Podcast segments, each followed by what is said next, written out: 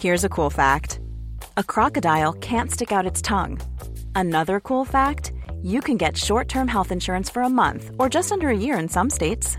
United Healthcare short term insurance plans are designed for people who are between jobs, coming off their parents' plan, or turning a side hustle into a full time gig. Underwritten by Golden Rule Insurance Company, they offer flexible, budget friendly coverage with access to a nationwide network of doctors and hospitals. Get more cool facts about United Healthcare short term plans at uh1.com. Ever catch yourself eating the same flavorless dinner three days in a row? Dreaming of something better? Well, HelloFresh is your guilt free dream come true, baby. It's me, Gigi Palmer. Let's wake up those taste buds with hot, juicy pecan crusted chicken or garlic butter shrimp scampi. Mm. Hello Fresh. Stop dreaming of all the delicious possibilities and dig in at HelloFresh.com. Let's get this dinner party started.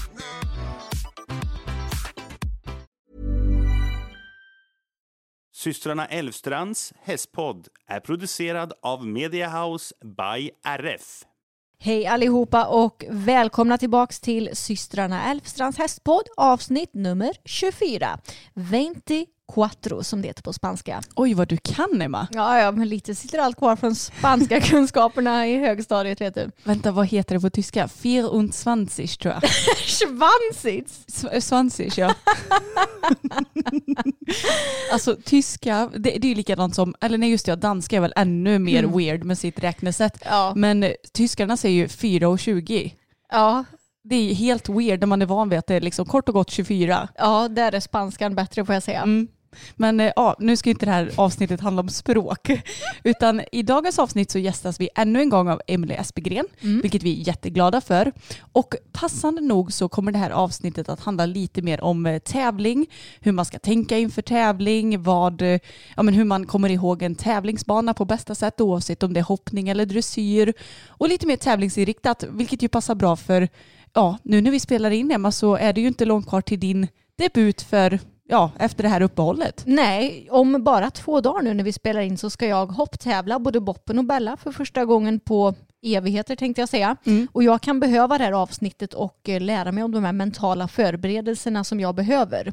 För jag känner att det fysiska känns väldigt bra inför den här tävlingen. Men som alltid nästan så är ju det mentala det svåra tycker jag. Ja men det är så himla svårt och det är någonting som jag tror att vi alla kan förbättra också. Så därför ska det bli jätteintressant att se vad Emily har att säga. Mm, verkligen. Och vi ska snacka lite om prestationsångest och sådär också. Jag vet att det var många som skickade till oss och ville att vi skulle ta upp det. Så nu får ni spetsa er öron för vad Emily har att säga.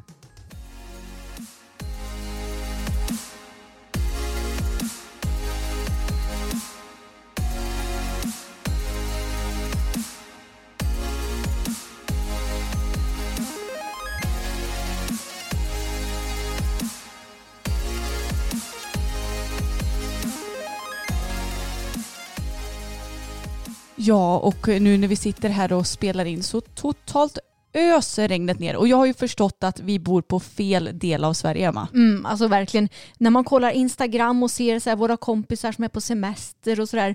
De är ju på andra delar i Sverige kanske och där skiner solen hela tiden ser det ut som. Men på Slätta, alltså jag skojar inte när jag säger att det har regnat nästan varje dag hela juli. Ja det är helt sjukt. Ja, och det har ju kanske inte regnat liksom hela tiden varje dag. Men det är så fruktansvärt konstigt väder för det kan vara sol på förmiddagen och sen så bara det regnar. Alltså det kommer skurar hela tiden och det är aldrig sol. Nej och idag har det varit något extremt för att eh, vi har nämligen eh, tränat för Amalia nu på morgonen. Eller ja, jag och Fokus skulle träna. Men vi hann värma upp, jag och Fokus i vår ensamhet och sen hann vi och liksom göra en liten uppvärmningsövning tillsammans med Amalia och sen skulle vi rida igenom lite lätt B2 galoppdel. Då öppnar sig himlen, börjar hagla, spöregna, blåsa på tvären och dessutom hörde jag en liten åskknall också. Så vi försökte att härda ut där i ja, en minut men sen insåg vi att det kommer inte avta. Och det Nej. har fortfarande inte avtagit och nu är det, nu ska vi se.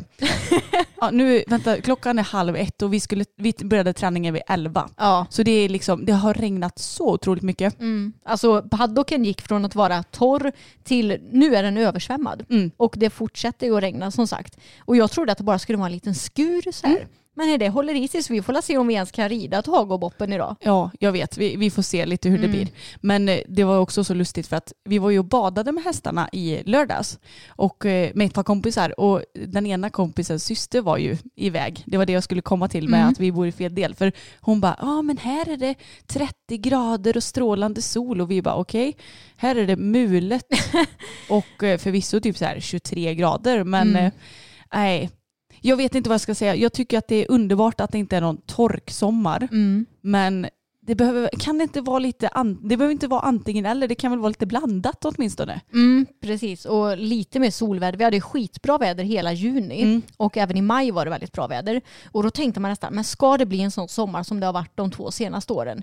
Men det har det ju inte blivit. Ingen torka i år och ingen extremvärme i år så att säga. verkligen Det är skönt för hästarna dock och väldigt behagligt att rida i. Men jag som gillar sommar, jag vill ju gärna ha lite mer sol och bad alltså. Ja, och i år vill man ju inte åka utomlands heller så att vi kan ju inte bara ta en spontan resa och få lite sol på det viset. Nej, men eh, på tal om det här med semester. Jag och Jelle har ju bokat semester nu.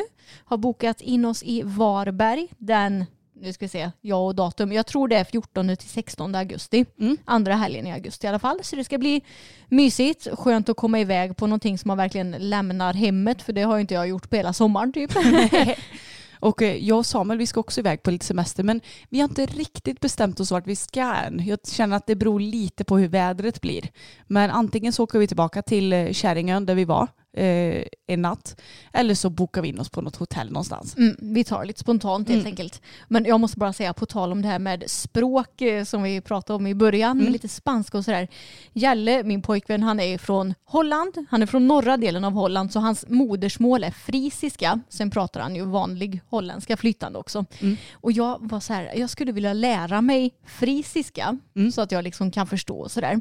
Och så var jag och kollade på lite olika så språkappar. Men det finns ingen app som har frisiska utan de som har liksom något holländskt språk, de har bara holländska.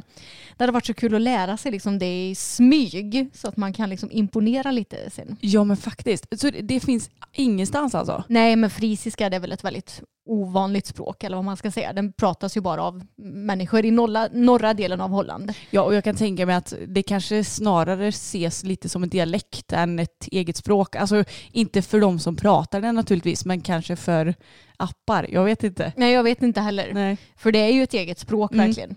Och jag frågade honom, tror du att det är som typ norska och svenska? Men han bara nej, eh, det är det inte. Utan de som pratar holländska, Mm. de förstår ju inte frisiska. Eller de, Inte har, alls. nej, de, eller de har svårt för att förstå det.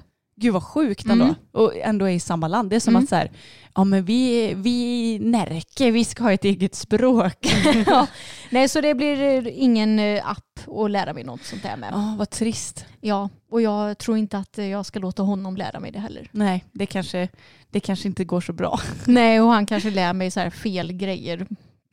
alltså, för, för, för liksom så här, han kanske lär mig dumma ord istället för de rätta orden. Så Ja, det vet man inte. Nej. Men du jag kom på att nu nämnde vi inte så mycket vad som hände med badet och så. Nej, Det gick ju väldigt bra. ja, men det gick ju kanonbra. Mm. Fokus var först i.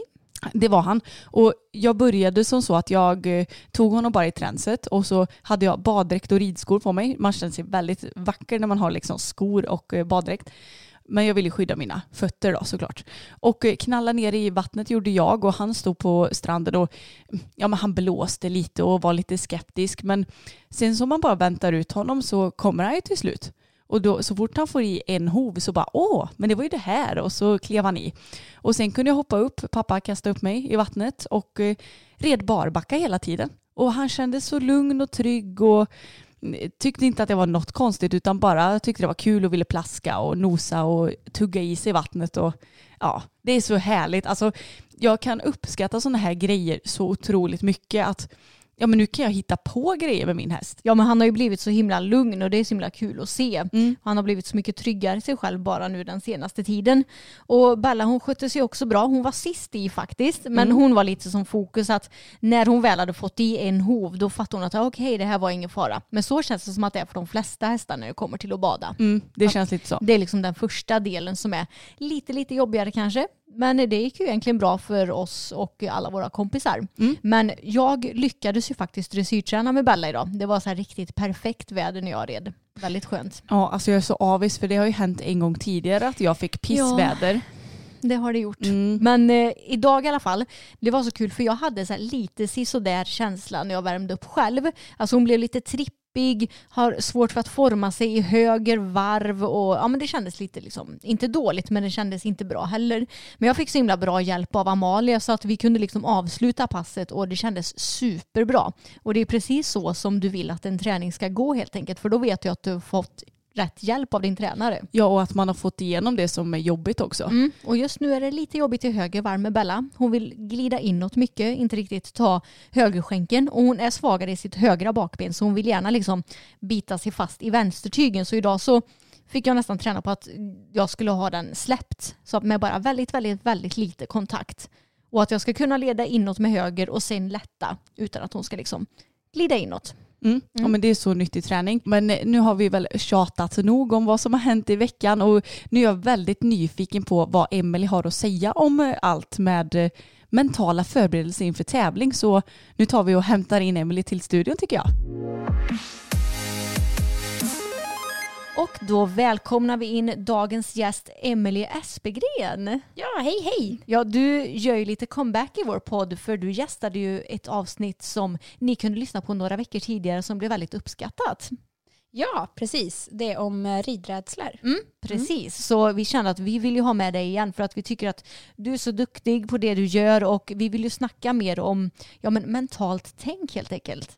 Och jag tänker att eh, för de som inte har hört förra avsnittet, kan inte du bara ta och presentera dig lite kort så att vi har koll på vem du är? Ja, eh, jag är eh, en 33-årig tjej som bor på en hästgård eh, ungefär en timme härifrån. Och eh, jag brinner verkligen för hästar, en riktig hästnörd. Och jag driver företaget Ryttaroptimering där jag erbjuder både träningar men också framförallt då coachning. Eh, och eh, det är både just eh, för tävlingsförberedelser, att optimera sin möjlighet att prestera, men också att hantera och bearbeta sina eventuella rädslor och hinder som uppstår på vägens gång. Men innan vi går in på våra frågor som vi har fått kring det här med att tävla och eh, nervositet och prestationsångest, så vad har du själv för tävlingserfarenheter? Jag har tävlat ganska mycket, men väldigt lite som barn eh, eller som ponnyryttare, men desto mer sen jag blev vuxen och fick bestämma själv. Eh, Så jag började som hoppryttare och hade väl liksom som ambition på något sätt att jag skulle bli skitgrym, kanske bäst i världen eller så. Men eh, det satte liksom lite stopp och det var väl en kombination av att hästen inte hade rätt förmågor men också kanske att jag kunde för lite om grundridning och trodde man kunde bli bäst i hoppning bara på, genom att träna hoppning. Liksom. Så jag tävlade upp till 1,20, var ute extremt mycket liksom och tävlade så att jag fick mycket rutin därifrån. Men sen eh, när jag kom upp eh, runt 20, 26 år någonstans där så blev det så att jag gick över mer och mer på dressyr och där skördade jag lite mer framgångar och det passade mig mycket, mycket bättre den grenen. Den är långsiktig, det finns ett mycket större liksom utvecklingspotential att man kan sitta så här och nörda ner sig och verkligen ha långsiktiga mål och liksom få en förståelse för liksom grundridning och att känna att man rör sig i en riktning hela tiden. Så att det ligger lite mer, utvecklingen känns som att den ligger mer innanför min kontroll och det passar mig väldigt, väldigt bra. Så att eh, nu eh, sedan några år tillbaka så är det bara dressyr som jag tävlar. Eh, och jag är idag ungefär på ja, Sankt Georg-nivå då, nationellt med min ena dressyrhäst och sen har jag en ung häst som eh, jag hoppas väldigt mycket på Mm. för framtiden. Så roligt. spännande. Ja, men Emelie, hur kände du inför och under tävlingar förr i tiden jämfört med nu? tycker jag är intressant att veta när vi ska prata om det här ämnet. Ja, och jag faktiskt först skulle jag vilja säga att allting jag säger idag, allting jag säger när jag håller föreläsningar och så här, det är ju kunskaper jag har. Men bara för att man har kunskap så innebär det inte alltid att man klarar av själv att leva som man lär. Det tycker jag är väldigt viktigt att bara flika in. Så att eh, allt det jag pratar om idag, det är verkligen min sanning, någonting jag försöker hela tiden att leva efter. Men inte alltid klarar jag av det för jag är bara människa. Men jag kan säga att jag har blivit betydligt, betydligt bättre. Det är ganska skrämmande hur jag började min tävlingskarriär. Jag var extremt resultatinriktad, väldigt tävlingsmänniska, extremt dålig förlorare. Um, ja, eh, det var mycket, mycket fokus på liksom placering, vinna eh, och eh, när liksom, även om jag gjorde en bra ritt så var jag inte nöjd med den om det inte ledde till ett specifikt resultat. Så. Mm. Om man jämför idag så kan jag säga att det är så befriande. För det har tagit jättemånga år. Alltså att från att jag fick kunskapen till att jag verkligen liksom har köpt det som min sanning så har det ju tagit, det har ju varit liksom en, eh, en resa kan man säga. Men idag så går jag ju in, alltså jag har väldigt långsiktiga mål. Jag ska rida GP någon gång i mitt liv. Det är ju mitt mål.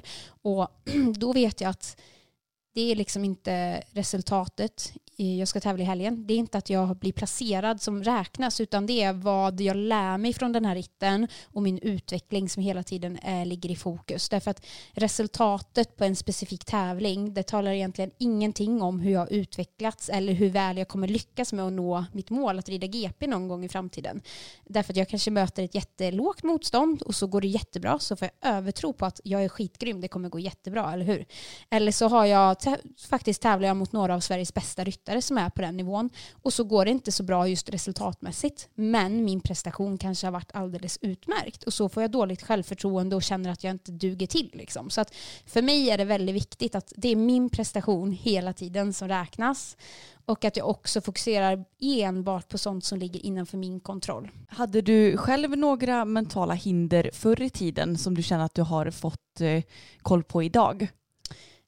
Många. Många hinder har jag haft. Eh, jag har eh, som hoppryttare varit rädd för eh, murar och ja, oxrar. Men, eller ju längre hinder ju farligare kan man säga. Trippelbarrar. och som dressyrryttare kanske det inte handlar så mycket om att man är rädd så, men mer då att det har varit ett hinder att jag har brytt mig väldigt mycket om just liksom att varje tävling, att det är viktigt att det ska gå bra resultatmässigt och att man liksom har kanske nedvärderat sig själv. Att jag kan, eh, förr i tiden då kanske jag verkligen så här nutt in vilka som jag skulle möta, kollade upp liksom, vad har de gjort innan och liksom, så har jag någon chans att slå dem. Och sen kunde jag liksom redan på förhand liksom, ibland se mig själv som en förlorare för att hur ska jag kunna konkurrera mot någon som har ridit junior-SM och young rider-SM och så här. Men så det har funnits många, många, många konstiga, dumma beteenden som jag har hållit på med som har bara varit till min nackdel. Mm. Ja. Men i ditt jobb som coach, märker du att det finns specifika problem som ryttare ofta kommer till dig för att få hjälp med? Ja, eh, det är ju ofta att man har eh, dåliga tävlingsnerver som det heter då. Men oftast så är det ju kanske inte riktigt det som sen är problemet. Eller liksom det finns ju oftast så en anledning till varför man har det. Eh, och det, det kan vara just att man lägger för mycket vikt vid att man jämför sig. Eller att man känner jättehög press från sin omgivning. Det behöver liksom inte vara uttalad press utan det kan vara unga tjejer som har fått en ny ponny som har gått bra innan och så liksom pressar man sig själv. Man tror att andra har väldigt höga förväntningar på en och så blir det jättejobbigt att eh, leva upp till dem. Ja men i och med tävling så är det väl många som blir både nervösa och känner stress. Så jag tänker att vi ska ju prata en hel del om det i det här avsnittet. Men först så tänker jag att du ska få förklara lite mer vad ja, men vad som är negativt med nervositet och stress och vad som händer i kroppen. Mm. Jag brukar det blir ju ofta så att man pratar om stress som någonting negativt och det är ju viktigt först att förtydliga att all stress är inte negativ för prestationen utan man vet idag i idrotts eh, från idrottspsykologisk forskning att en viss eh, stressnivå eller en anspänning kan till och med skärpa vårt fokus och göra att vi presterar bättre. Men det är liksom när stressen övergår till eh, ett flykt eller kampbeteende när det blir så mycket att det liksom spiller över och påverkar vår kognitiva eller kroppsliga förmåga, då har ju stressen blivit för, för stor helt enkelt och blivit till ett problem. Så det som händer med eh, en stressad människa det är ju att eh, vi uppfattar någonting som en fara, att vi inte har tillräckligt med resurser eller förmåga att eh, hantera den situationen vi står inför och vi känner att vi saknar kontroll helt enkelt. Då kommer stressen som ett brev på posten. Och det som händer då, det är ju massa saker, ni vet själva, eh, en, säkert en hel del att ni kan lista. Man blir eh, kanske torr i munnen, ett, det är ett tidigt tecken, handsvett, att eh, man får eh, ökad hjärtfrekvens, hög puls, man kan få högt blodtryck också av långvarig stress. Um, faktiskt så är det så att magen kan både sluta och fungera och för vissa så är det att den ballar ur. Så det finns extremt många olika kroppsliga liksom, tecken på att man har fått stress. Men det som också händer med vårt fokus det är att när vi blir tillräckligt stressade så krymper det. Vi får tunnelseende. Och när vi får tunnelseende då slutar vi att eh, få den här kreativa förmågan att hitta lösningar, utan, alltså lite komplexa lösningar. Och just ridning är ju en eh, en sport som både kräver att vi har med oss huvudet, att vi, liksom, vi ställs inför massa olika situationer som inte är givna på förhand och vi ska agera utifrån dem med liksom ett sunt tänk och agerande. Och dessutom så är det här fina samspelet. Vi sitter och ska finlira med eh, våran häst och vara liksom samspelta. Så både den kroppsliga, liksom att vi blir stela i musklerna, vi blir ryckigare, vi slutar andas, det påverkar våran ridning. Men också den här förmågan att inte kunna liksom se och identifiera problem i tid och hitta lösningar är ju en eh, mer kognitiv ett kognitivt problem med stressen. Mm. Och detta kan utlösas tack vare nervositet då? Ja, mm. eh, ju mer nervös ju mer stress. Mm. ja. Så man kan sammanfatta det som att det är bra att vara lite nervös för att då blir du mer skärpt eller man ska säga. Det tycker jag själv att jag känner igen mig väldigt tydligt i att typ om jag är alltså lite, vad ska man säga, nervös eller förväntansfull om jag till exempel hopptränar eller tävlar då blir jag ju mer fokuserad på hur jag ska rida och jag kan behålla mitt fokus ifall jag istället är så här alldeles för lugn och bara ja, ja, men det här är hur enkelt som helst och det här är chill. Då blir man lite lat nästan. Mm. Men om jag å andra sidan blir alldeles för nervös då känns det som att jag glömmer bort lite hur jag ska rida och kanske snarare blir lite typ passiv. Exakt, och du är inne på något väldigt viktigt för att just det här som du sa med förväntansfull. Nu är det så att då tänker du ju faktiskt på dina små nerver, det här pirret i magen som någonting positivt, eller hur? Och det eh, är väldigt tydligt i forskning att personer som upplever en viss stress men som lyckas liksom vända det till något, alltså de tolkar in det som positivt. Att säga, ah, jag, tycker, jag är så förväntansfull, det ska bli så spännande det här. Då har man sett att lite stress, det är ganska positivt. Men om man känner de här signalerna och direkt tolkar in det som shit nu är jag skitnervös och nu kommer det gå åt helvete och nu glömmer jag banan och bla bla bla bla bla. Då finns det inget positivt kvar med att ha lite stress. Och sen så är det också viktigt liksom att veta att den forskningen som har gjorts har ju inte gjorts på häst och ryttare. Och jag brukar alltid säga att vi liksom har ju dels en sportslig, liksom en, vi är ju en idrott, men vi har ju också ett etiskt ansvar vad vi utsätter våra hästar för. Så att jag vill ju ändå på något sätt liksom slå ett slag för att ja, men varför ska hästarna behöva utsättas för dels att de känner av att vi är jättestressade och har ångest och sen också rider vi sämre för att vi blir stela, vi tappar förmågan att känna in och vara samspelta. Eh, så att jag brukar säga att just när det gäller hästar och i, som en idrott att ju mindre stress ju bättre och sen så kan man istället liksom tagga till med positiva förväntningar och liksom jobba upp det men att på något sätt liksom hitta strategier och hantera den här negativa stressen är ju extremt viktigt. Mm. Det låter ju väldigt vettigt får jag säga. Och någonting som vi själva kanske försöker förhålla oss till men som du sa i början att eh, det går inte alltid att leva som man lär eller som man tänker utan vi får helt enkelt bara försöka träna och göra det bästa av situationen. Men vi har ju fått in ett gäng frågor från våra lyssnare som ju vill bli bättre på att hantera nervositet och stress kring tävling men även lite när det kommer till prestationsångest och sådär. Så jag tänker att vi ska dra igenom ett gäng frågor. Yes. Och den första frågan är, vad ska jag göra om jag blir väldigt nervös inför tävling? Ja, eh, det är ju att lista ut vad är det som gör mig nervös. För det kan ju vara väldigt olika för olika personer. För någon är det att man tycker det är obehagligt att man är van vid att alltid ha med sin tränare och så blir man lämnad själv. Det är en vanlig del att man inte har tränat tillräckligt mycket på att vara ensam med hästen i till exempel hoppning. Man är så van vid att någon alltid instruerar den och sen blir man lämnad helt åt liksom sig själv och hästen och så skiter sig allting och så blir det till en ond spiral. Det är en del. Men det kan också vara den här att man känner sig bedömd om det är dressyr, att det ska sitta domare och faktiskt bedöma allt jag gör. Eh, andra tycker det är jobbigt med framridning och känner där att de jämför sig. Så det finns så många olika eh, anledningar till att man blir stressad och nervös för tävling. Så det första är att lista ut vad är det som gör mig nervös. Det är ju steg ett, att veta vad. När jag vet jag inte vad så kan jag ju aldrig ta tag i och börja jobba med det och hitta rätt verktyg. Men vet man om liksom att just det, det är nog de här två eller tre grejerna som gör att jag känner mig nervös. Då kan man ju ganska så snabbt hitta liksom övningar, man kan göra en analys på liksom vad behöver jag göra för att förbättra de här. Så att när jag coachar så gör vi alltid så att man tar reda på men vad beror nervositeten på. Mm, vad kan man göra mer då? Finns det något specifikt att ja, men det kan vara bra med rutiner eller det är bra att äta? Eller finns det Ja. några liksom, sådana tips? Absolut. Eh, det är bra att man försöker få en rutin på tävlandet. Så att om, ju mer nervös man är, ju oftare ska man tävla om man kan. Eh, men man måste såklart hela tiden se till hästens bästa också. Så att det måste vara inom rimliga gränser. Men att få mängdträning på tävlandet. Och idag finns det perfekta möjligheter som inte fanns för 20 eller 15 år sedan. Och det är pay and rides och pay and jumps. Och de är ju så lika tävlingssituationen som möjligt. Så att idag har vi alla möjligheter att faktiskt gå ut och träna på tävling. Och då brukar mitt tips vara liksom att var, gå in och vara lite overkill. Liksom. Försök att fixa hästen fint. Ta på dig liksom dina, inte, du behöver inte rida i kavaj eller frack, men liksom ta på dig snygggrejer. Kanske knoppa hästen om det är liksom, försök göra det så likt som möjligt så att det verkligen blir som en tävling. Eh, för ju mer vi utsätter oss för det, ju mindre liksom, nervositet blir det. För det är ofta liksom just det här att man känner att man inte har kontroll över situationen som gör att man blir stressad.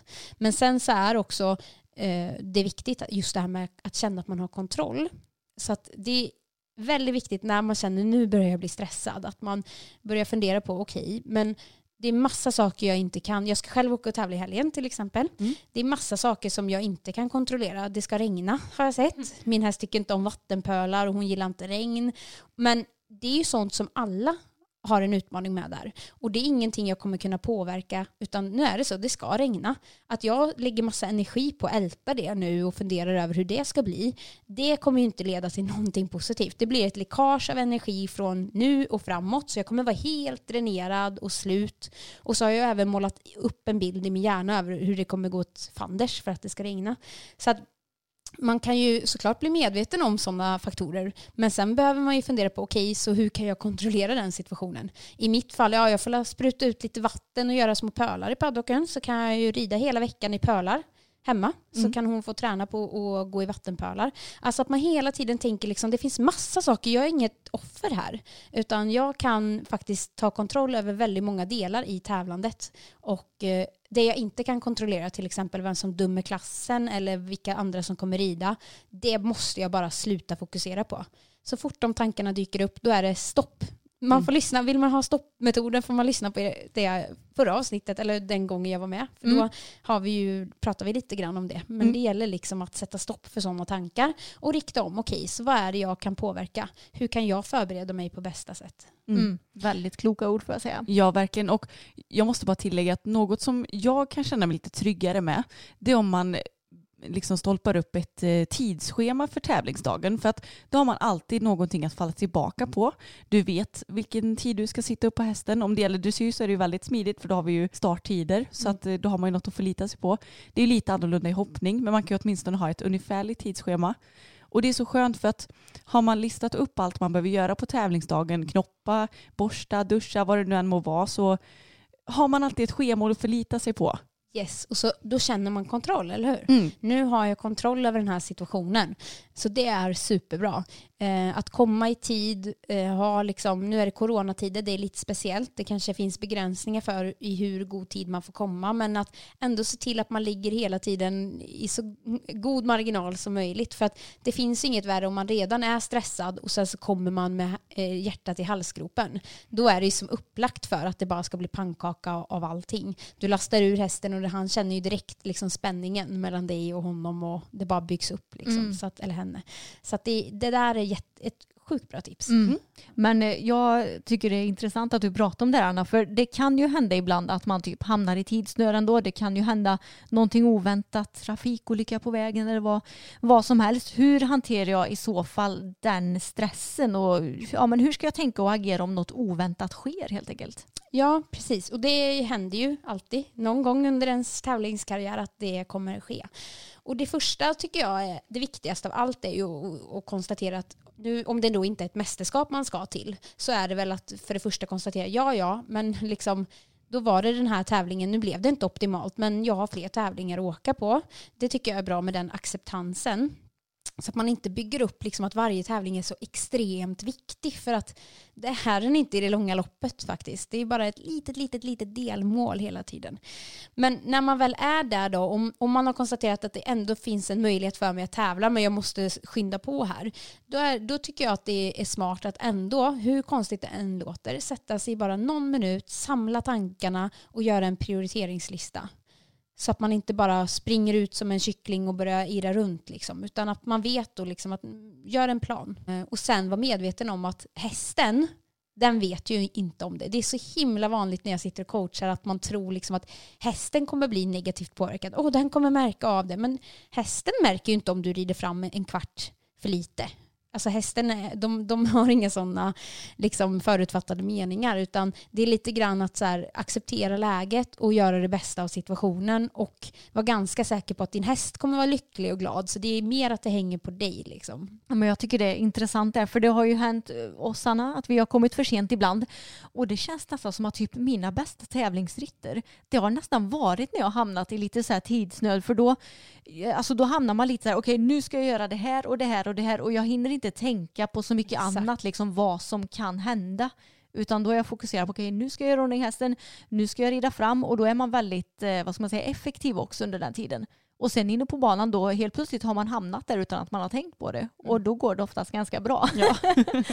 För så är det ju för att när man är i väldigt god tid så att ibland är det ju faktiskt så här att jag har haft någon klient som har istället har fått i uppgift att komma du måste vara där lite senare för att det är så jobbigt och stressfullt att vara på tävlingsplatsen. Man måste ju känna in det.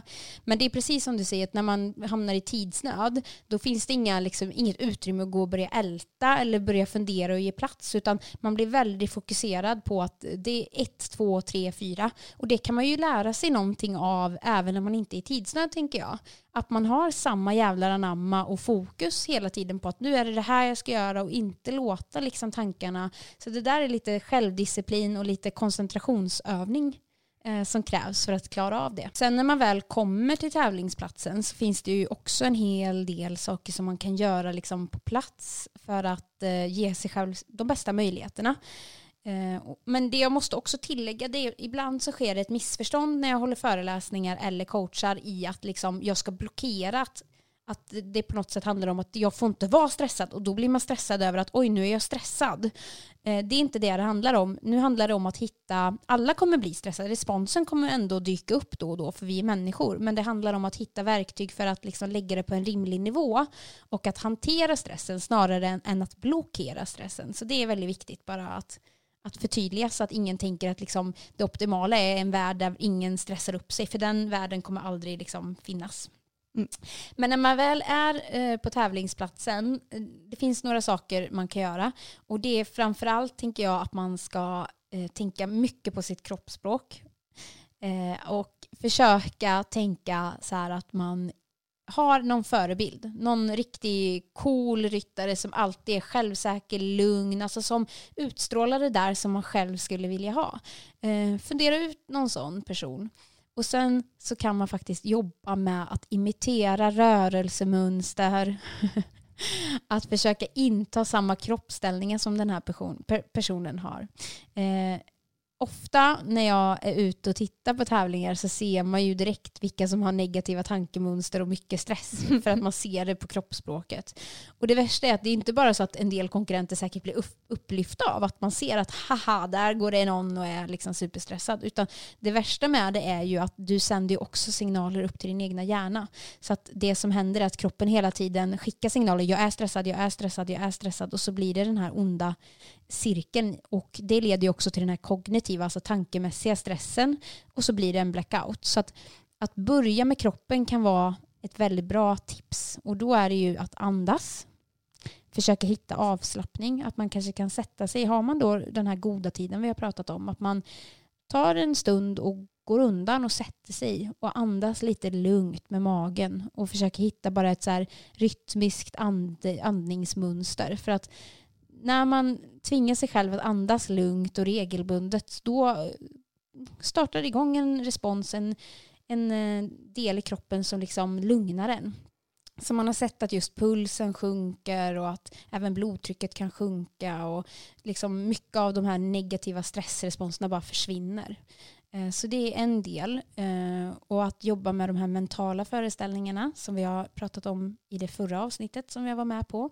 Att man eh, kan alltså sätta sig en stund och verkligen eh, gå igenom sitt program att se. Och då är det inte så att du ska måla upp den realistiska ritten utan nu handlar det om att på något sätt måla upp Eh, den absolut mest optimala liksom, ritten som du kan göra. Så se dig själv verkligen göra den här superritten som du alltid har drömt om. Jag brukar säga om du inte själv kan se dig få de här åttorna och niorna i fantasin, hur ska det då kunna gå i verkligheten? Så den är ganska bra. Liksom. Och ju mer du ser dig själv lyckas där i dina mentala föreställningar och känner att du lyckas också, ju mer eh, självförtroende får du och ju mer lugn får du. För en självsäker människa, en människa med mycket självförtroende är oftast mindre stressad också i tävlingssammanhang. Något som jag kan tänka också på tal om andning, mm. det är att eh, man andas in det starka och liksom kraften i kroppen och att man andas ut nervositeten mm. och all negativitet. Och det hjälper faktiskt för man känner sig lite, lite starkare och lite lugnare när man försöker att få in det i huvudet samtidigt tycker jag. Mm. Det är super, superbra. Mm. Det finns många sådana andningsövningar och den är riktigt bra. Sen det här med att liksom hitta sunda tankemönster och att jobba med det och även det här med mentala föreställningar det tar ju ett, ett tag. Men att vara medveten om att liksom börja tänka på varje tävling lite grann som en träning att så här, jag kanske har lärt mig precis som jag berättade i början jag tävlade ju med helt fel ingång. Jag hade ju lärt mig att tävla med fel fokus och att lära sig om det, det tar ju ett tag. Så att, liksom, att inte åka med alldeles för höga krav på sig själv utan att liksom fundera över men vad är det egentligen jag vill åstadkomma med den här tävlingen. Och det är jätteintressant för det ställer jag ofta den frågan till klienter. Liksom att, men vad är målet med den här tävlingen? Och då är det ganska ofta att man får höra vad de inte vill uppnå. Mm. Och vad är det tror ni som är negativt med det? Ja då, då är det det man har i tanken och då blir det gärna så också. Mm. Exakt, mm. så att om det är att jag vill inte få ett nedslag, mm. då när man säger jag vill inte få ett nedslag så får man ju en bild av att man får ett nedslag, eller hur? Och sen när man kommer in på banan då är det den bilden och den känslan man har med sig av ett misslyckande. Så att...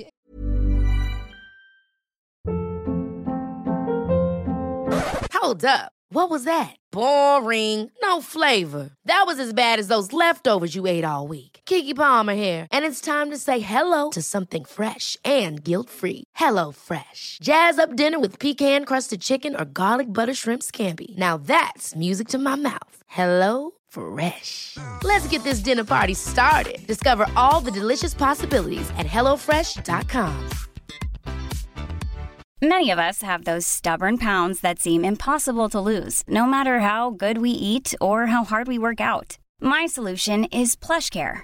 PlushCare is a leading telehealth provider with doctors who are there for you day and night to partner with you in your weight loss journey. They can prescribe FDA-approved weight loss medications like Wagovi and Zepbound for those who qualify. Plus, they accept most insurance plans. To get started, visit plushcare.com slash weight loss. That's plushcare.com slash weight loss.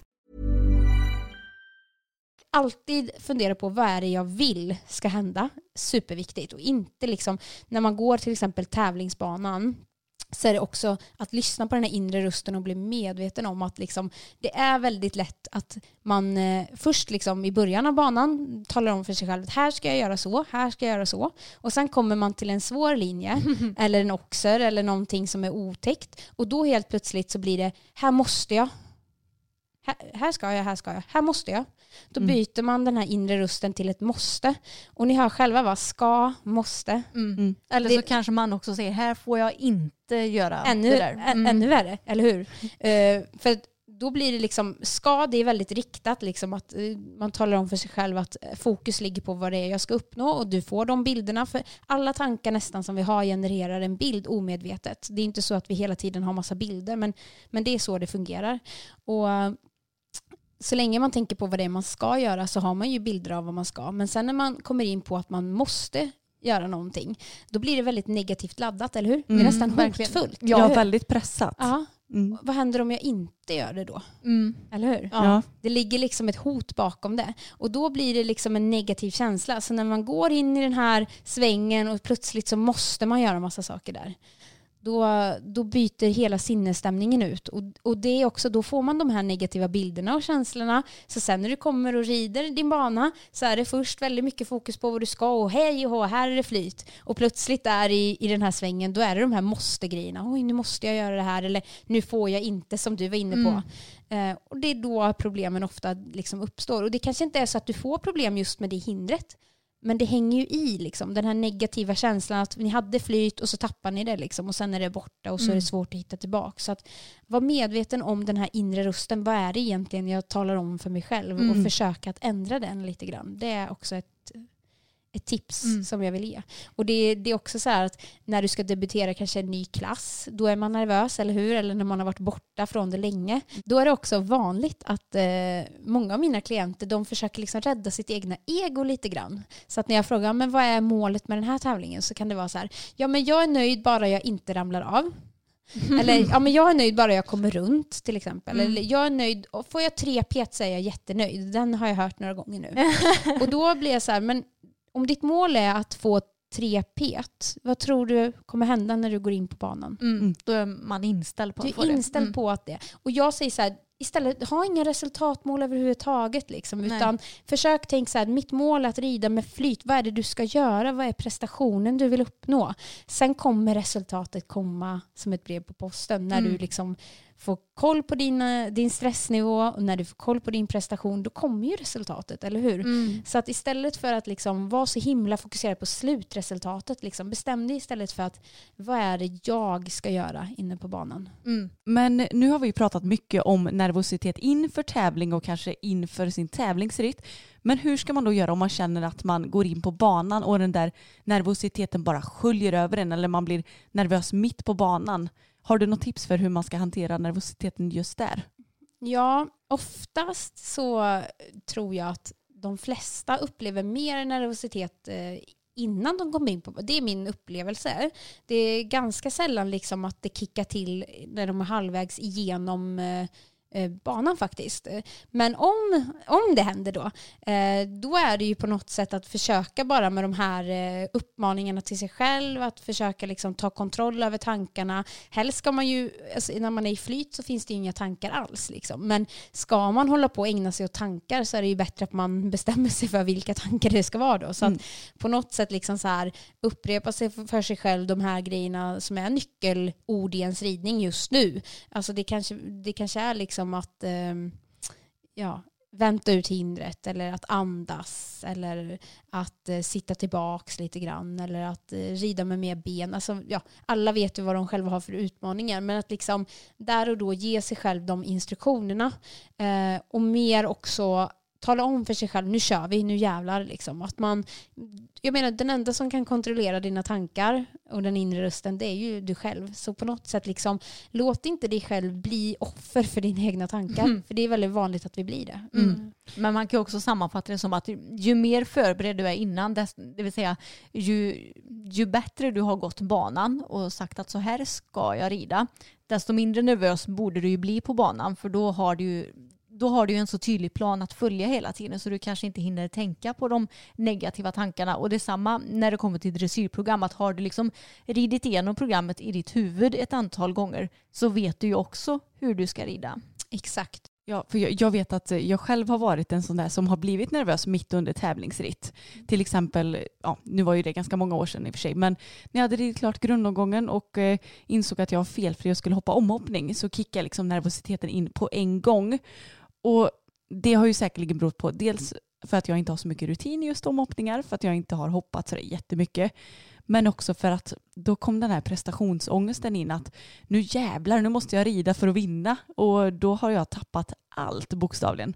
Men då är det bra att man kanske kan intala sig själv att man fixar det och hästen fixar det framför allt. Just det.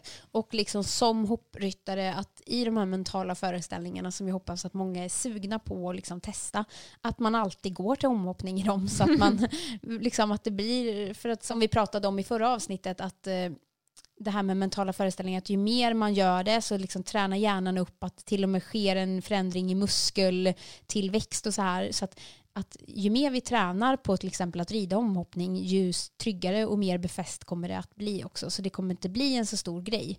Eh, jag vet att många liksom, stora elitidrottare, inte bara inom ridning utan kanske framförallt inom andra idrotter, brukar ju säga det, liksom att när, när jag stod på på startlinjen, då hade jag redan vunnit eh, VM 3000 eh, gånger i mitt huvud. Så det var liksom inga konstigheter, det fanns liksom inget om. Men vi som är amatörryttare, vi är så jäkla rädda för att bli sårade, alltså såra vårt egna ego. Så ofta så liksom, nej men inte ska väl jag ha massa mentala föreställningar om att det ska gå så bra, att jag ska kunna vinna och sådär. Men för mig är det liksom att du ska aldrig sätta resultatmål, men i dina mentala föreställningar, där handlar det bara om att boosta egot och bygga självförtroende. Och då ska man ju såklart hela tiden måla upp den absolut bästa tänkbara bilden det är det vi vill träna på, eller hur? Vi vill mm. inte träna på att riva i omhoppningen eller att inte nej, komma nej. dit, utan här handlar det om när det blir precis så som jag vill att det ska bli, hur mm. är det då? Mm, verkligen. Men på tal om prestationsångest, hur ska jag tänka när jag får prestationsångest? Eller hur ska jag göra? För jag vet att det är många av våra lyssnare som har problem med prestationsångest och som tycker framförallt att det är läskigt att rida liksom inför andra människor för att de känner att de kan döma en. Liksom jag berättade i början hur jag började min tävling, alltså hur mitt fokus var inställt ifrån början och hur jag tävlar idag. Och jag skulle vilja säga att alla kan göra samma resa och det är väldigt viktigt att liksom förstå. Och jag vill bara verkligen berätta hur befriande det är att åka på tävling med inställningen att det enda som är viktigt idag det är att jag ska lära mig någonting och fortsätta att bygga mig själv, min häst, vår liksom samspeldighet. Så det handlar väldigt mycket om, tror jag, med prestationsångest, att börja ifrågasätta, många säger jag har inget mål, men när man ändå börjar grotta i det så är ju målet att vinna en meters tävlingen som man ska åka på eller så här. Och då brukar jag säga okej, okay, så liksom, istället för att ha ett långsiktigt mål, vilket skulle kunna vara att ha glädje, att ha utveckling, eller det behöver liksom inte vara att man ska komma till en viss nivå. Men har man ett sånt långsiktigt mål, då vet man ju också, liksom, man får ett perspektiv i vad som är viktigt när man åker på tävling. Det är ju inte att vinna tävlingen. För att jag vet att det är hit bort jag ska. Det är här, då är jag framme och det här är bara liksom en, en litet, litet delmål. Det är bara ett försök på vägen dit. Liksom, att verkligen se det som ett försök. Men har vi liksom inga mål och bara åker ut väldigt planlöst och tävlar, då är det väldigt lätt också att målet blir att vara placerad eller att eh, man börjar jämföra sig med andra. Och ja, men då kommer nervositeten komma som ett brev på posten för 99 procent av oss klarar inte av social jämförelse. Mm. Det skapar ångest och stress. Så det, det är mitt absolut viktigaste tips. Alltså att eh, sätt ett bra, realistiskt mål som inte bygger på jämförelse med andra. För då mm. kan du tagga ner, du kan bli mer förlåtande mot dig själv och du kan se att det viktigaste med varje tävling det är faktiskt inte att vinna utan att jag åker därifrån och har lärt mig någonting nytt så att jag kan bli lite bättre varje gång. Mm väldigt sunt. Och jag måste passa på att eh, säga också att jag tycker att sociala medier kan också försvåra mycket för folk. För det är så många ryttare som har sociala medier som bara lägger upp när det går bra. De lägger bara upp när de typ blir placerade eller rider felfritt. Men de lägger aldrig upp de här filmerna där de kanske har fyra fel eller åtta fel. Och jag tror att generellt kanske folk får då en felaktig bild av vilka vad ska man säga, resultat som är rimliga att få på tävling mm. och då jämför man sig med dem och tänker att den personen rider ju hela tiden felfritt och perfekt. Varför kan inte jag göra det? Mm. Exakt. Och jag eh, har ju lite ponnyryttare som jag både coachar och, och tränar. Eh, och där är det ju, alltså ju yngre ju värre klimat känner jag att det är. Med just det här med att man jämför sig Men jag brukar säga att vi har alla olika hästar. Och det är inte bara, alltså, vi blir ofta så egoistiska i vår ridsatsning att vi tänker liksom att det bara är för mig, jag är bara ute och tävlar för mig. Men jag ser liksom att alla sitter på en unik häst med unika förutsättningar och det finns bara en person som kan vinna varje tävling. Alla andra gör det inte. Och att liksom lägga den pressen också på hästen att förvänta sig att de ska gå in som några maskiner och bara leverera liksom. Det, det, det är någonting jag verkligen är emot just med, liksom, för, för det, vi måste hela tiden ha med oss den etiska biten och ha liksom eh, en ryggrad i vårt tävlande tycker jag. Det är jätteviktigt. Och just då att om man liksom ser till sin hästs eh, behov och tänker lite mer också utifrån hur ska jag lägga upp tävlandet? Vad behöver min häst? Liksom? Vad är det för runda? Jag? Det kanske liksom inte är att vinna som är det viktiga. Det kanske den hästen som vinner tävling efter tävling håller den har den bra självförtroende? Är den glad? Det vet vi inte, eller hur? Eh, jag måste utgå ifrån min häst och lägga upp en plan för hur min häst ska lotsas på tävling för att få självförtroende och tycka att det är kul att vara ute och tävla. Och eh, ja, kanske radera sociala medier. Fast då har ju inte ni några följare kvar. Nej, men eh, det är ju tur att vi i alla fall lägger upp alltid, både när det går bra och dåligt. Ja. och, och det kanske är bra, att ha förebilder som mm. faktiskt är vettiga och som ger båda sidor av myntet. Mm. Och, och de finns ju där ute. Mm, så var verkligen. lite selektiv.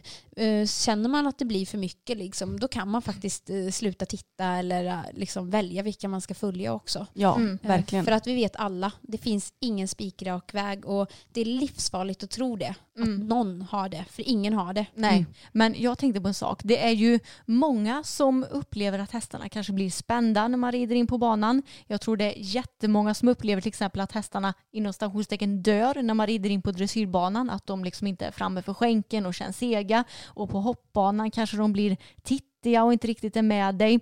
Hur tycker du att man hanterar en sån situation på bästa sätt och hur kan man träna på det innan? Ja, eh, som dressyrryttare så, som nu bliven så hade jag det problemet jättemycket i början också, att hästen dog. Men om jag ska vara helt ärlig, det det handlade om i mitt fall i alla fall, det var att jag var alldeles för dålig. Alltså när jag satt och red hemma, då letade jag efter den bästa känslan, sen gick jag in i skänkelvikningen. Jag red fram till jag fick en fin känsla, sen fattade jag galopp.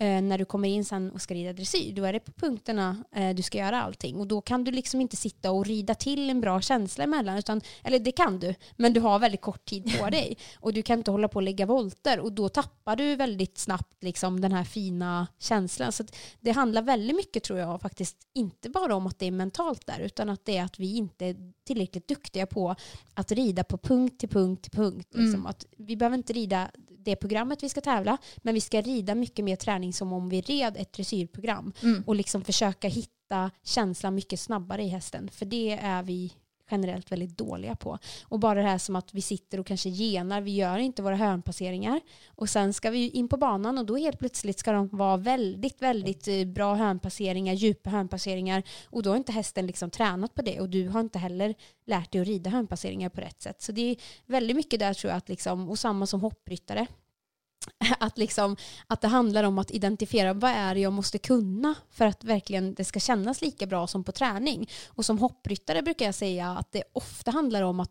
du måste lära dig att komma dit att få hästen mellan hand och skänkel. Mm. Så där kommer ju, och det är min fördel som coach att jag har ridit båda grenarna och är liksom tränare och ryttare att jag vet att det är inte alltid mentalt som problemet är och då kan jag sitta och coacha i evigheten men vi kommer inte komma någonstans för att problemet är inte alltid just att det handlar om nervositet.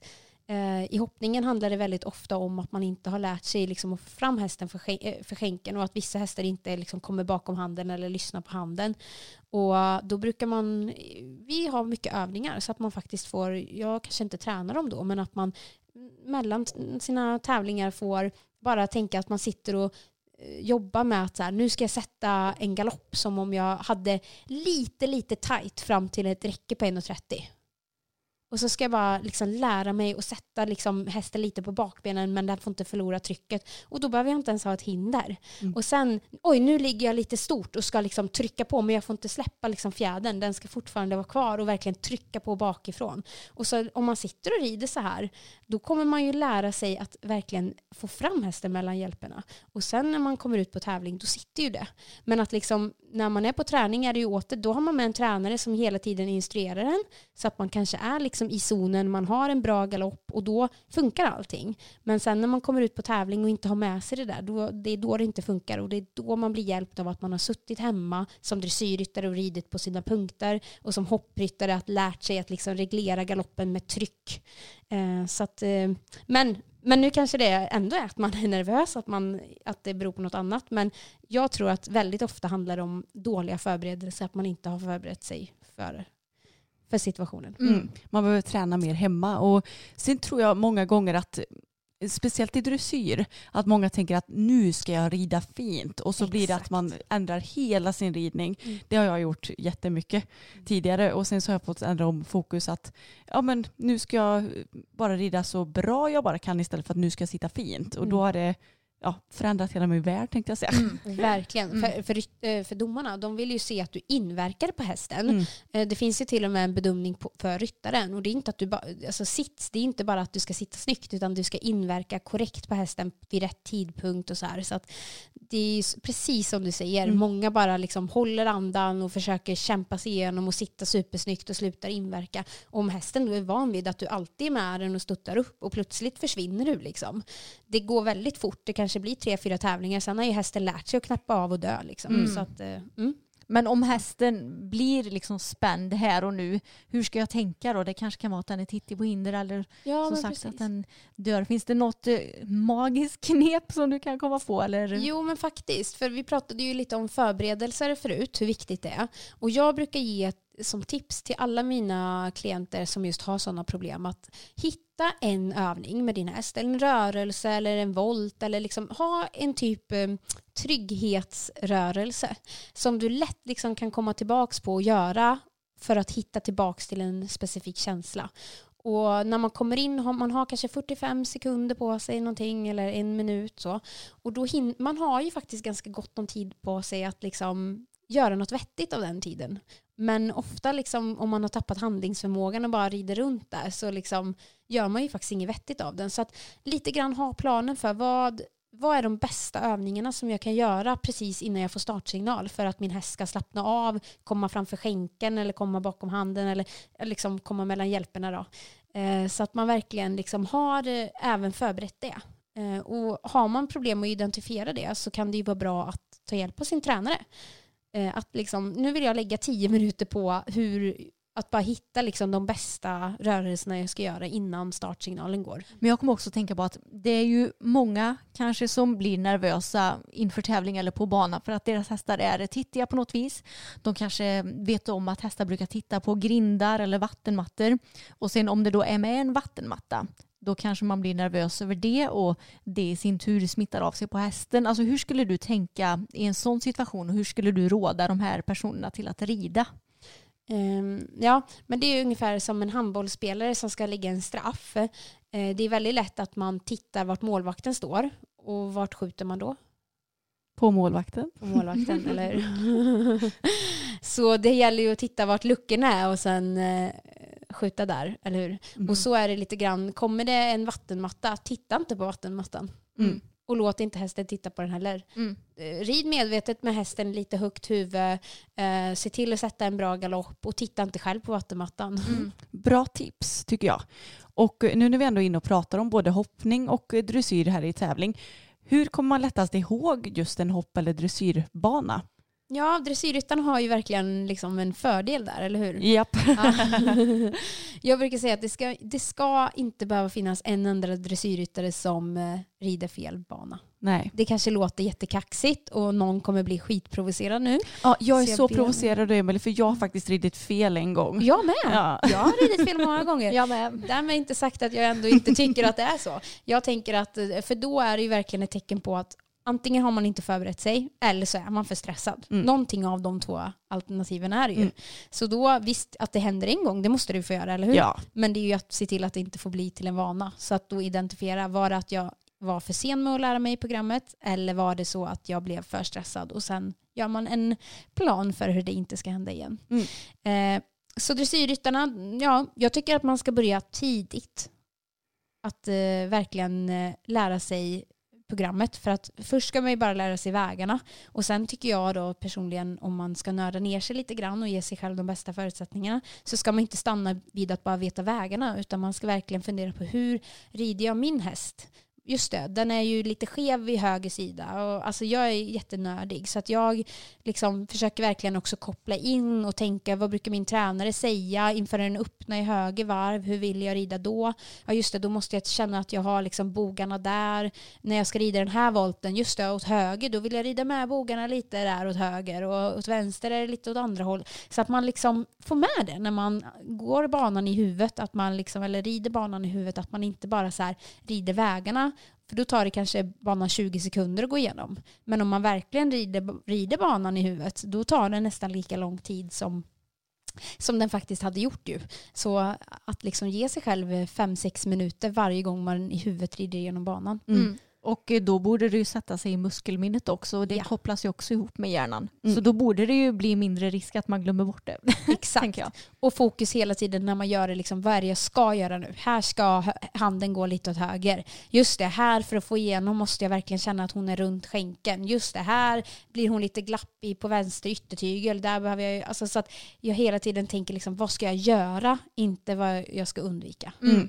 Och något som jag tycker är bra när man ska lära in sig nya dressyrprogram det är att ja, men både läsa hur programmet är, man ritar upp banan på ett papper eller om någon sån här whiteboard som ju finns och också att man springer programmet. Det kanske kan kännas lite fjantigt att leka häst när man är liksom vuxen men eh, det är faktiskt superbra för då har man det lite mer i kroppen och sen att man visualiserar det så att man får med många bitar för det hjälper ju en faktiskt att minnas också. Eller hur? Mm. Det där är superbra. Jag brukar också springa mina program. Ja, Mm. det är Och faktiskt mina jättebra. barn brukar heja på. Ja. Som hoppryttare är det ju lite mer utmaning. Eh, man har eh, kanske startar tidigt, man går banan och sen har man inte så jättegod tid på sig. I bästa fall har man lite mer tid, då kan man såklart gå undan och köra samma sak. Man visualiserar banan. Men som hoppryttare handlar det om att verkligen utnyttja bangången maximalt. Så gå inte och chitchatta om massa annan skit utan verkligen liksom gå banan med kvalitet. Eh, och fundera verkligen över din plan när du går banan. Och sen även om du, vi säger att du har 30 minuter på dig nu eller ännu mindre, lägg ändå bara, för att jag menar en hoppbana tar ju bara 50-60 sekunder en grundomgång, så lägg lite tid på att ändå i alla fall, alltså den minuten kan vara väldigt välinvesterade pengar att ändå rida igenom programmet en gång i huvudet. Det är mitt eh, allra bästa tips. Något som jag har haft som eh, akilleshäl, som framförallt eh, hoppryttare, det är att jag har varit så fruktansvärt dålig på att hoppa fram. Och då är det svårt att komma in på banan och känna att jajamän, nu kör vi när man har liksom avslutat med ett dåligt språng. Men hur gör man då om man nu får en dålig framhoppning eller framridning? Hur laddar man om på bästa sätt? Jag brukar säga så här att eh, om man börjar få oflyt då gäller det att liksom direkt dra handbromsen och inte fortsätta göra samma sak om och om. Det är så himla lätt att vi rider samma väg till framhoppningshindret igen. Och samma tempo, samma all, allting. Vi bara liksom sitter som maskiner och tror att det ska komma någon magisk lösning på problemet. Så det är väldigt ofta bra, en bra grej att, liksom att känner man så här, nu fick jag ett dåligt språng, ta bara två sekunder och ladda om. Alltså rid inte på direkt utan liksom gå ner i skritt och sen tala om för dig själv liksom så här, nu behöver jag skära av lite och komma med lite bättre tempo till exempel. För jag menar om, om du liksom har tagit ut vägen max och haft ett bra tempo och så kom du fel. Då är det ju idioti att komma exakt samma väg, exakt samma tempo och tro att någonting ska förändras. Och vi vill ju inte sitta där och behöva bromsa in till hindret liksom. Så att försök att göra någonting lite annorlunda är mitt bästa tips. Och det, är någon, det låter jätteenkelt, men det är något vi ofta glömmer av Mm. när vi blir stressade. Mm. Och Verkligen. detsamma gäller dressyren då antar jag. Det gäller dressyren, men där har vi ju ofta lite mer tid. För det som är jobbigt med framhoppningen är ju att man har ganska ont om tid på sig. Och det är trångt och man får inte så många språng. Så där gäller det ju än mer liksom att verkligen ta tillvara tiden. Liksom, eh, och att våga ta den där lilla pausen och, och tänka nytt och liksom ladda om.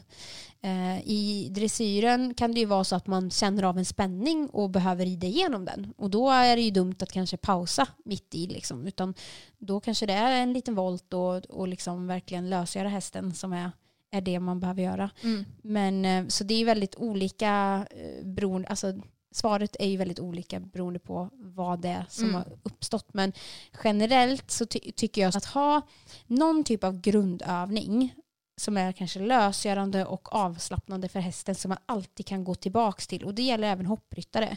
Har man det, det blir som en trygghetsgrej, just det. Men jag kan bara gå tillbaka där och så ladd, man blir nollställd. Liksom. Jag har det.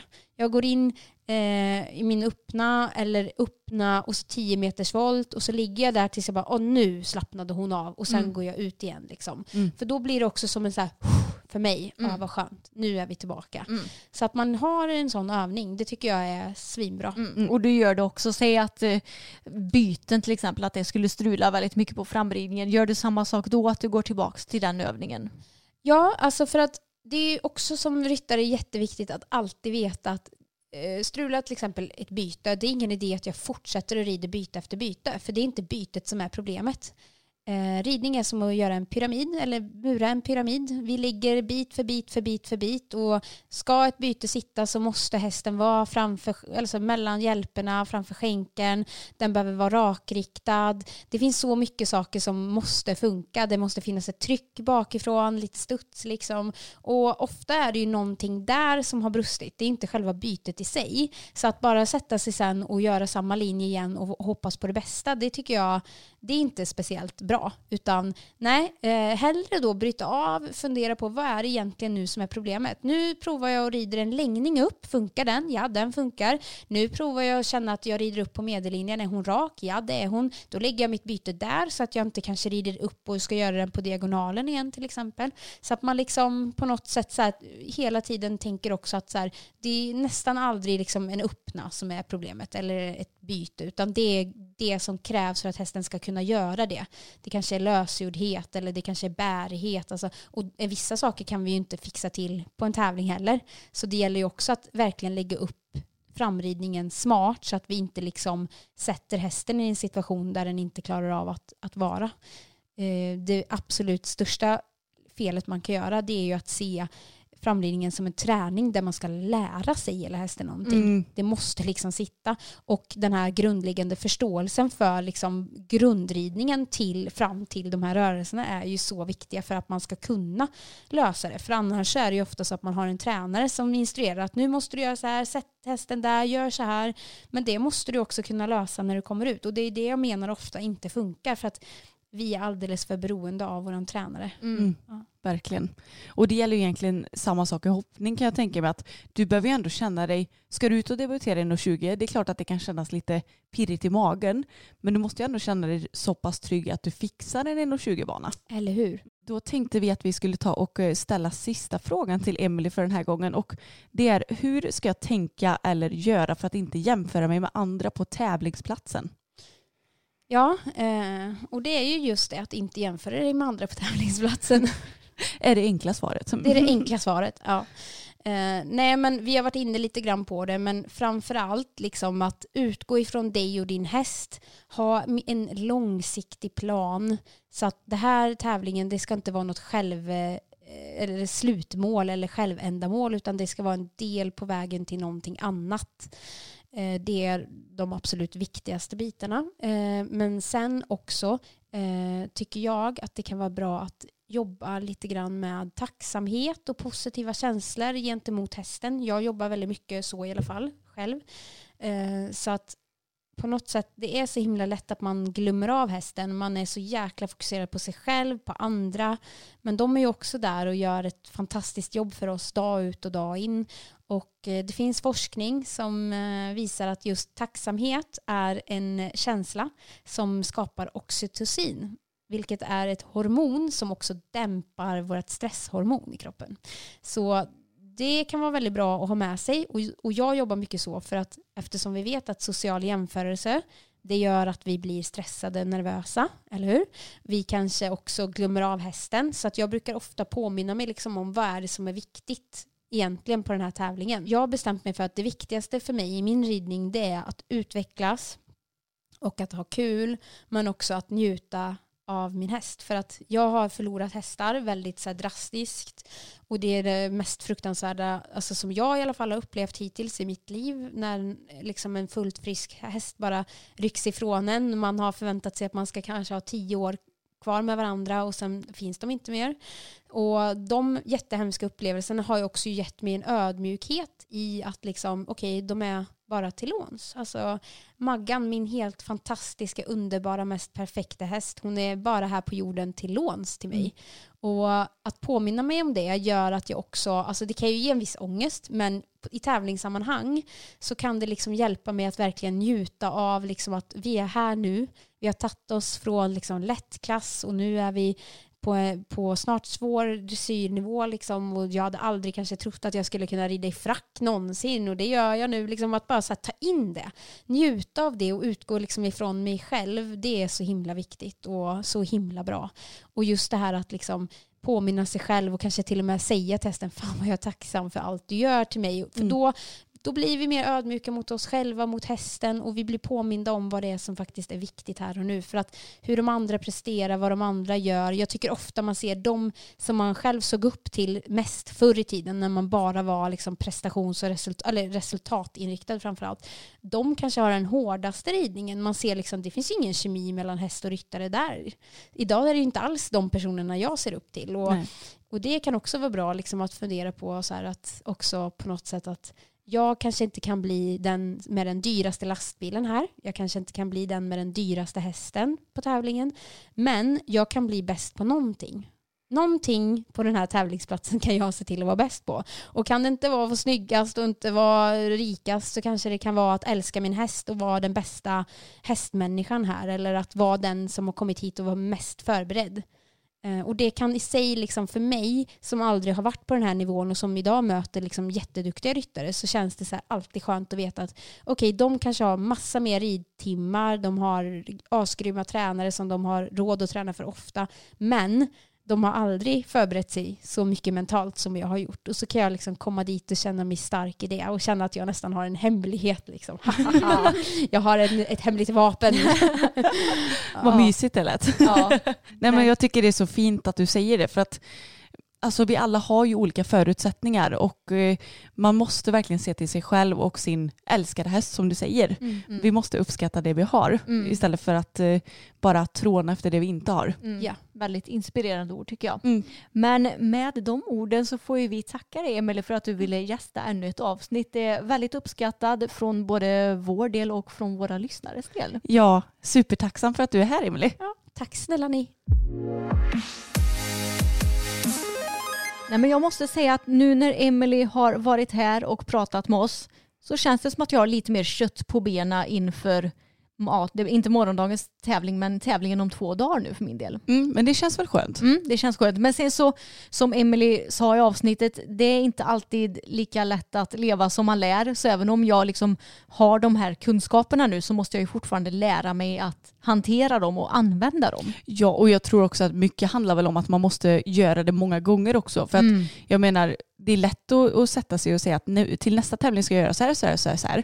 Men det ska ju genomföras och det ska bli som en rutin också. Mm. Så att eh, vi får bara kämpa på. Ja verkligen och jag har insett att jag har tävlat jättelite de senaste åren. För jag själv har varit skadad med diskbråck. Bella hon fick ju sin stora skada.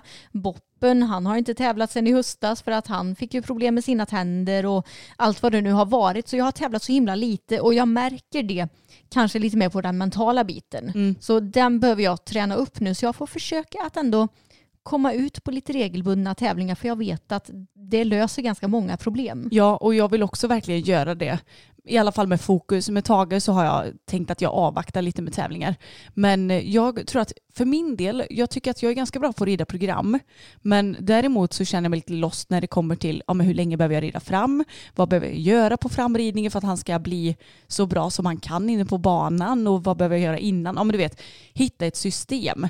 Så det ska jag försöka mig på att hitta. Ja, i år i alla fall. Mm, men det låter bra och för min del så tycker jag att dressyrtävlingar känns liksom lugnare än hopptävlingar. Ja. Jag blir alltid mer nervös inför en hopptävling och det är väl för att du kan ju liksom inte förbereda dig på samma sätt. Inför dressyrtävling då vet jag om att jag ska rida det här programmet och då kan jag träna på det. Men på hopptävling du har ingen aning om hur banan ser ut och hur hindren kommer se ut och allt sånt där liksom. Mm, det skriver jag verkligen under på och mm. det är väl egentligen det som är skärmen med hoppning versus dressyr också tycker jag. Mm. Även om det kan vara med lite skräckblandad förtjusning ibland. Ja, men det är därför som jag gillar båda delarna för de har verkligen sina för och nackdelar. Mm, verkligen. Men nu tar vi och rundar av. Tack så jättemycket för att ni har lyssnat på veckans avsnitt och jag hoppas att ni tycker att det har varit väldigt givande för det tycker jag i alla fall. Mm, jag med. Och vi har kontaktuppgifter till Emily i beskrivningen till podden. Även kontaktuppgifter till hennes Instagram och till vår Instagram och all sån information som ni behöver helt enkelt. Ha det så jättebra så hörs vi igen om en vecka. Det gör vi. Hej då!